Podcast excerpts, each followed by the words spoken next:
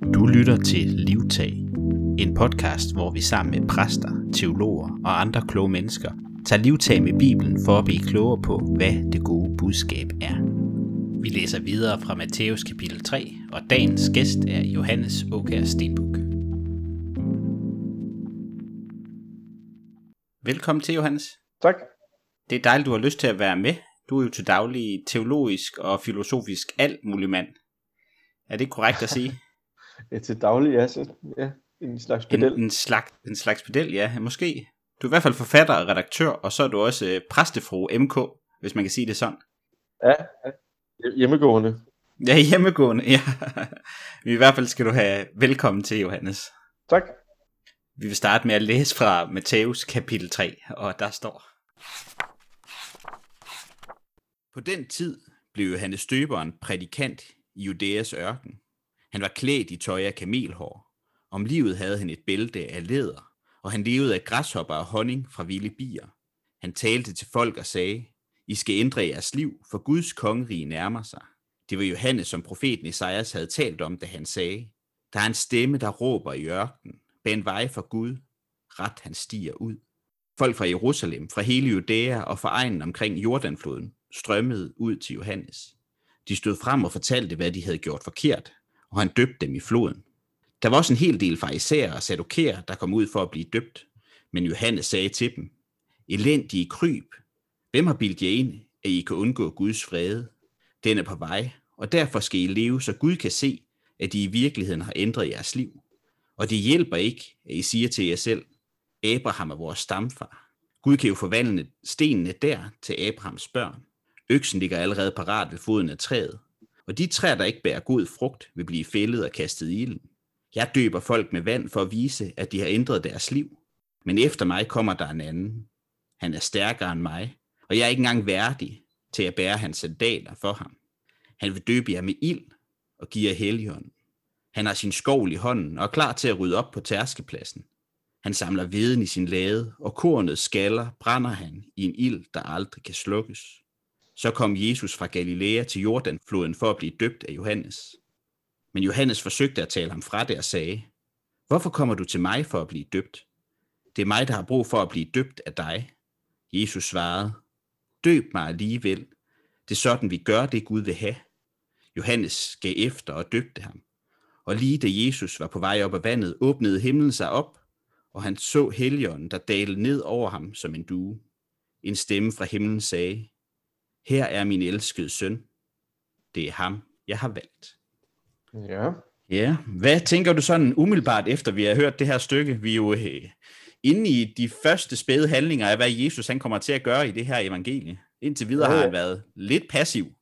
Ja, og jeg må indrømme, det er jo det er lidt pinligt, fordi jeg kan ikke lade være med at tage mig til hovedet øh, flere gange, for nu læser du jo fra Bibelen 2020, som ja, det gør jeg. på langt vejen er en, er en fortolkning, kan man sige, ikke? Af, af, for mig at se sådan lidt, lidt, lidt fladpandet øh, pietistisk øh, udlægning af, af, af mange af de ting, og, som, som jeg egentlig finder, finder meget, øh, meget gods i, men som bliver bort reduceret, kan man sige, i dagligsprogsudgave. Ja. Det er jo sådan lidt ærgerligt selvfølgelig, at uh, skulle have den der negative vinkel på det, fordi der er jo masser af evangelium i dagens tekst alligevel, ikke? Det er der, altså. Det er der, det er der jo, og det er jo det, vi skal finde frem til, ikke? Det er det, helt bestemt. Det også, øh, selvom man, man, man kan altid finde noget at brokse over. Ikke? Ja. Men evangeliet står jo klart, øh, lynende klart fra, fra start af. Nemlig når Johannes døberen i ørkenen råber, Guds rige er nær, eller himlens, himmeriget er nær, er det ikke det, han siger? Jo. Ja, i øh, himmeriget er nær. Det er evangeliet i dag. Og det er det sådan set altid, ikke? Det er det også, når Jesus efter sin dåb i Markus evangeliet går rundt og siger noget af det samme i, i Galilea, hvor han forkynder, Guds rige er nær, omvendt jer og tro evangeliet. Ja. Altså at der er en ny orden, der er ved at bryde ind i verden. Det er blevet immanent eller forhåndenværende, kan man sige. Det er kommet så tæt på, at vi næsten kan tage og føle på det. At, altså, det er der sådan set, ikke vel? Men det er kommet nær. Det, det er kommet så nær, at, at man begynder at kunne se dets, dets virkninger, eller, og dets, dets betydning og dets indhold i, i, i Jesu gerning. Det kommer jo så efterfølgende selvfølgelig, ikke? Men, men Johannes Døberen, han har den her funktion, at han, han peger fremad mod det, der skal komme. Han står i en lang tradition. Han knytter selv an til Esajas. Jo, jo, jo. Esajas ved at citere ja, en stemme, der, der råber bagen vejen. Og når man læser det forudgående i Matthæus, så er der også en god tradition, der ligesom bliver ført videre der. Vi har en masse, der knytter Jesus op på hele den her jødiske slægt, og på alt det, der tidligere er sagt. Og den tradition knytter Johannes sig jo også op på, i hvert fald som jeg forstår det. Der kommer en, jeg ikke engang er værdig til at binde hans sandaler, siger han. Ja, det er det er så vildt, ikke? At, at, at det, det er helt klart, at Guds rige, himmeriget, er noget, noget fuldstændig nyt, der bryder ind i verden. Men samtidig så bliver det bundet op meget tydeligt på en, på en historie. Det, det er slet ikke til at komme udenom, at, at, at det her det står i forlængelse af en profetisk tradition, som går, går helt tilbage i, i, i, i, igennem det gamle testamente.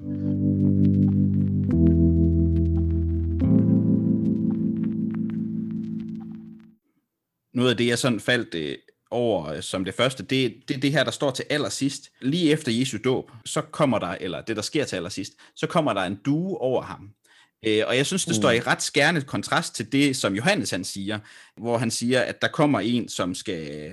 Han har sin skål i hånden og er klar til at rydde op på tærskepladsen. Han samler veden i sin lade, og kornets skaller brænder han i en ild, der aldrig kan slukkes.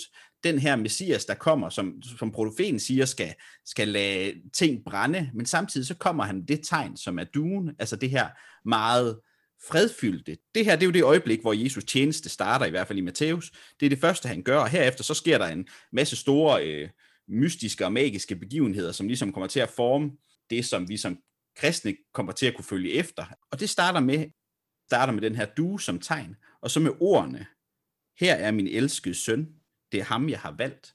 Og i hvert fald, når jeg hører de ord, så tænker jeg, han har ikke gjort noget, men allerede der er han elsket. Altså, duen er jo et klart symbol på Helligånden i den efterfølgende tradition. Ikke? Altså, vi har hele treenigheden på, på, på spil i Jesu dåb. En, en klar åbenbaring af, hvem Gud er. Det er også derfor, vi kalder Jesu dåb for teofanien eller epifanien i, i den, i den øh, kristne tradition. Altså, man har jo øh, på, på, på epifanidagen ja. fejret Jesu, Jesu øh, dåb. Det gør man stadig i, i Østen, hvor vi den 6. januar herhjemme fejrer Hellige Tre Konger ja. som jo sådan set også åbenbarer, en, øh, hvem Jesus, Jesus er, fordi de kommer med de gaver, der fortæller om hans, hans, hans kongelighed, dette barn øh, i, i den yderste fattigdom, at her er der en kongesøn. Det er sådan set en del af den, af den samme fortælling, ikke, som handler om, at før Jesus går ud og gør alt muligt, før mm. han begynder sin så får vi sådan set åbenbaret hans, hans øh, kongelighed, hans guddommelighed. Vi får allerede sat rammen, at der er tale om Guds søn her, ikke?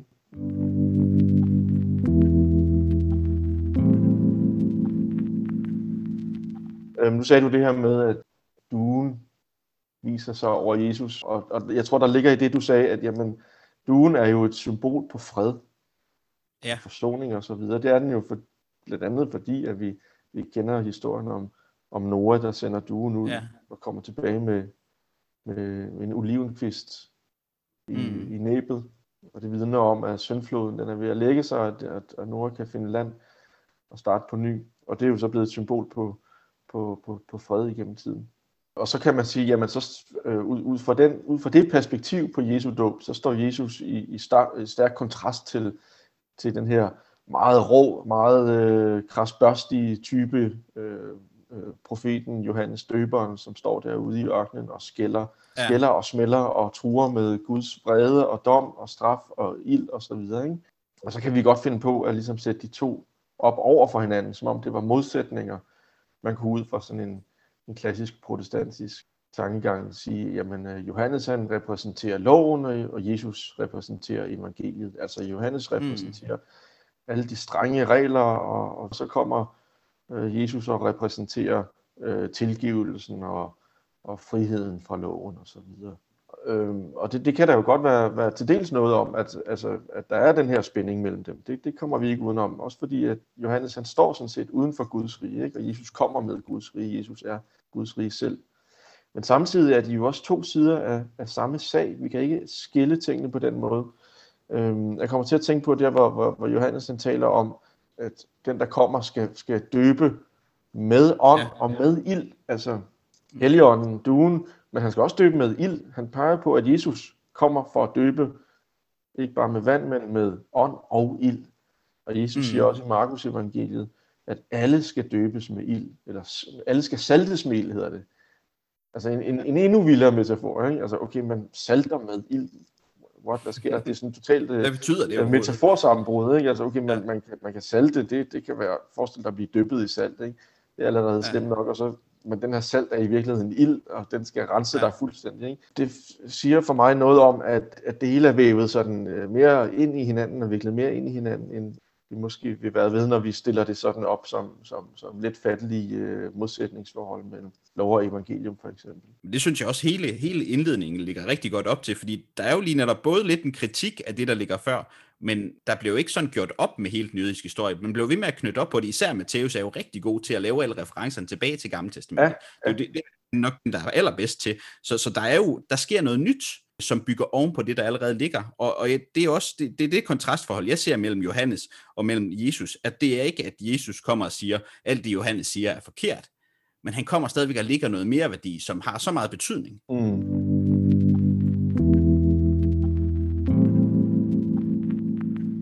Jeg vil også gerne holde fast i det her begreb om teofanien, eller åbenbaringen af Gud, altså det, det, det ordet Ja. betyder, ikke? At, at her bliver det sådan set udfoldet og åbenbart, hvad indholdet af, af, af profetierne er. Altså hvad indholdet af loven, hvad indholdet af alt det skrappe og negative, øh, hvad, hvad, hvad, hvad, hvad det peger frem på. Ikke? Øh, Clemens af Alexandria skriver i det andet århundrede om, hvordan loven, hvordan øh, Guds regler i det gamle testamente er som, som en nød, men en hård kerne, som vi skal have, have brudt igennem, og så indeni er, er, er frugten. Og det er det, som Helligånden åbenbarer. Det Mm. er indholdet af, af nøden. Ikke? Det er ikke noget andet, noget radikalt forskelligt, men det er, er meningen, den dybere mening med, med alt det, som, som Johannes blandt andet som profet forkynder, den her dom og, og vrede. Hvad peger det alt sammen frem på? Jo, mm. Det peger frem på fred og tilgivelse, forsoning i Guds rige. Så det er sådan set to sider af samme sag, ikke? Jo, jo, jo. at Gud opretter sit rige gennem dom. Dommen er ikke til for at ødelægge, for at destruere, for at nedbryde, eller det vil sige, det er den kun i den grad, at det er nødvendigt for at genoprette for at, for at skabe nyt. Men når vi tænker lov, så, så tænker vi jo tit på, at det er nogle strikse regler, der skal overholdes. Men sådan er det jo slet ikke for jøderne. Her er der ikke en, her er det ikke en begrænsning, det er nærmere noget, der åbner op. Det ses som en gave, en gave fra Gud. Her er der en anden måde at leve Ja, på. præcis, det er det, hvis man, ja. Ja, hvis man forstår, øh, forstår, at det er det, der er formålet med loven, at det er sådan set dens, Ja. ja. dens åndelige formål, at den, den er en gave, fordi den, den viser, at det er muligt at leve på en måde, hvor der, hvor der hersker fred og retfærdighed mellem mennesker. At det er Mm. faktisk muligt at, at leve på den måde, og, og det, der kan findes en orden, som er forskellig fra, fra den uorden, vi, vi er vant til. Det ligger også i hele, hele det her med, at Johannes jo, han, han går rundt ude i, i, i ørkenen i kamelhår og så videre. Ikke? Altså han, han er på, i bogstavelig forstand på kant med, med civilisationen. Og, og befinder sig på den måde også i en profetisk tradition, som går langt tilbage igen i det, i det gamle testamente, hvor, hvor modsætningsforholdet mellem den, det vilde uden for byen, og så, og så den, den tilsyneladende orden, som er i byen, men som er menneskeskabt, og derfor netop altså kun tilsyneladende, den må finde sig i, i Guds dom, fordi den, den i virkeligheden er en uretfærdig orden. Han virker jo meget som den her ekstremist, Johannes. Altså, Ja, han det er han jo også. ude fuldstændig. Han er sådan helt, helt på kanten, som du også siger. Livet af græshopper og honning. Altså, jeg ved ikke, øh, hvor mange, der har lyst til det i dag. Han, han har villet det her. Han har Ja, virkelig men han har budskab, der skal tales. ikke? Altså, han er heller ikke sådan en, der er rigtig, vel? Øh, Nej. Men det vil Jesus. Han kommer til ham. Og så er det jo, sådan, det er jo, det er jo også altså, vildt fascinerende det her med, at Jesus skal døbes. Hvorfor, hvorfor i alverden skal han det? Ikke? Altså, Johannes døber til omvendelse, som, som det hedder i teksten. Ikke? Ja. Med det formål, som det hedder i, i den bibeloversættelse, du læste, og for at, at mennesker skal ændre deres liv. Det Mm. betyder, at altså, mennesker skal, skal angre eller tænke nyt. Den her, det her forandring af sindet, som fører til et nyt liv, naturligvis. Johannes han, han døber ikke bare for at vise, at mennesker har, har ændret deres liv, men han døber med det formål, at det skal få et nyt sind, at de skal få et helt nyt perspektiv på tingene. Og så kommer Jesus, som, som jo er Guds søn, og derfor er uden synd, og det ved Johannes sådan set godt. Og man skulle ikke tro, at Jesus så havde brug for at blive døbt, fordi skulle han nu ændre sit sind, skulle han forny sit sind, skulle han omvende sig, eller... Ja, det, det, det, det siges der ikke noget om, men øh, alligevel så skal Jesus altså døbes, fordi at på den måde skal vi opfylde al retfærdighed, siger Jesus til Johannes. Jeg kommer til at tænke på, at i, i den forbindelse, når jeg læser det her, øh, så tænker jeg på en, en, en dåbsprædiken af Gregornes Jansen fra det 4. århundrede, en en, en græsk teolog, som taler om, hvad, jamen, hvorfor er det, at, at, at Jesus skal døbes? Jo, det er ikke fordi Jesus har brug for dåben, det er fordi, at dåben har brug for Jesus. Det er fordi, at den retfærdighed, det Guds rige, som Jesus kommer med, skal knyttes an til, til dåben. Sådan så at dåben får den her betydning, som, som Johannes har, har peget frem på. Det er Jesus, der giver dåben sit indhold. Og så har han den her, altså Gregor Jensen har den her helt fantastiske formulering, at Jesus stiger ned i vandet, og da han stiger op, så rejser hele verden sig med ham. Det vil sige, at Jesus bliver ikke døbt for sin egen skyld, han bliver døbt for verden. Så på en eller anden måde, så, det, og det er det der, det, det, sådan man kan forstå det her med, at Jesus opfylder al retfærdighed. Det vil sige, at, han, at allerede i sin dåb, så har han gjort alt det, der skal til for at, for at frelse verden, for at genoprette verden, for at forårsage den opstandelse, som vi, vi ser frem til. Så dåben mm. foregriber på den måde øh, alt det, Jesus øh, efterfølgende gør. Den foregriber hans død og hans opstandelse.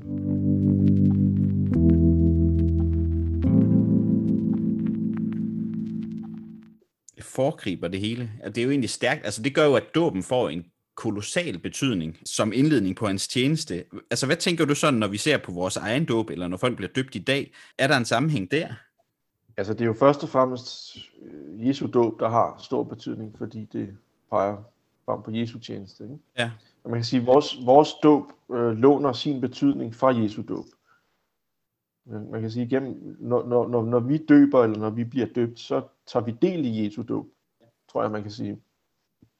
Fordi at Jesus har givet en, en, lagt en betydning i dåben, og gjort Guds rige nærværende i dåben, så tager vi også del i Guds rige i dåben. Og når, og når, når vi så tager del i en dåbshandling, ja, så tager vi også del i, i den påbegyndte tjeneste, som Jesus påbegynder med sin mm. dåb. Det vil sige, at vi bliver indvidet som disciple eller som tjenere, øh, som kan tage del i Jesu gerning. Det, gør også god forlængelse af alt det andet. Altså når vi indgår i tjeneste, så er det også i den tjeneste, Jesus allerede er startet på. Altså den tjeneste om at få Guds rige nær her på jord. Når Jesus dør på korset, så er vi også en del af den død. Når Jesus er i opstandelsen, så er vi også en del af den opstandelse. Altså det er jo, det er ja, jo lidt præcis. det, det er at være kristen. Det er at være bundet op på Gud, der allerede har gjort det for os, har startet det her, har fået det til at spire frem på, på jorden.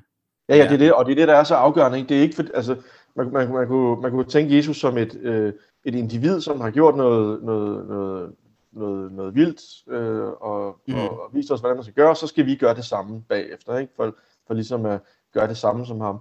Men det er jo ikke det der tanken. Tanken er netop, at Jesus har gået vejen før os, mm.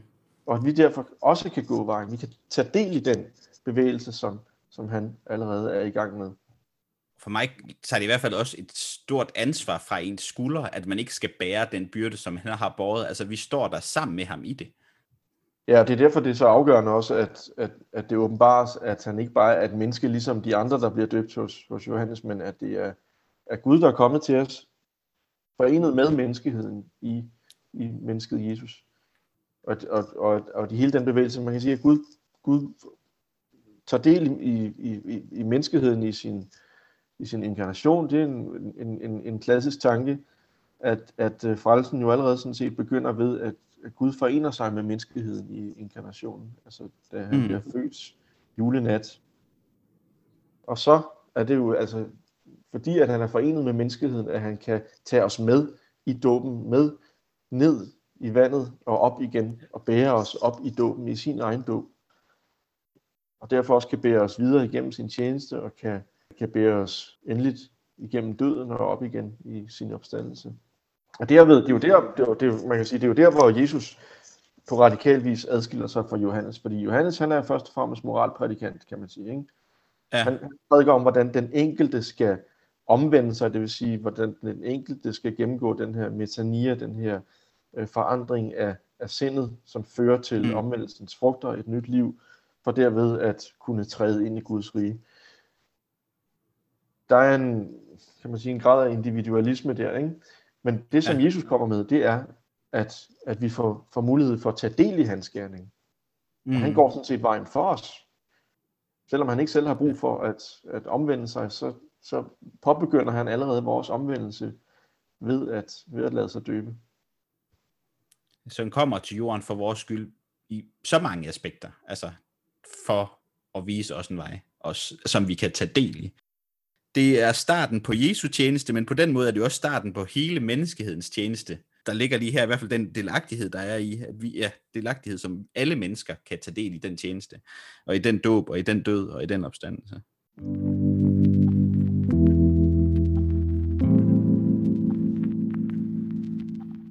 Tusind tak, fordi du vil være med her i dag, Johannes.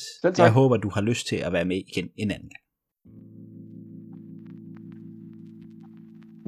Du lyttede til Livtag, en podcast, hvor vi sammen med gæster tager livtag med Bibelen for at blive klogere på, hvad det gode budskab er. Min gæst i næste uge er Louise Helgaard Bylund, og vi vil sammen tage livtag med fristelsen i ørkenen. Tak for nu, og jeg håber, du har lyst til at høre med i næste uge.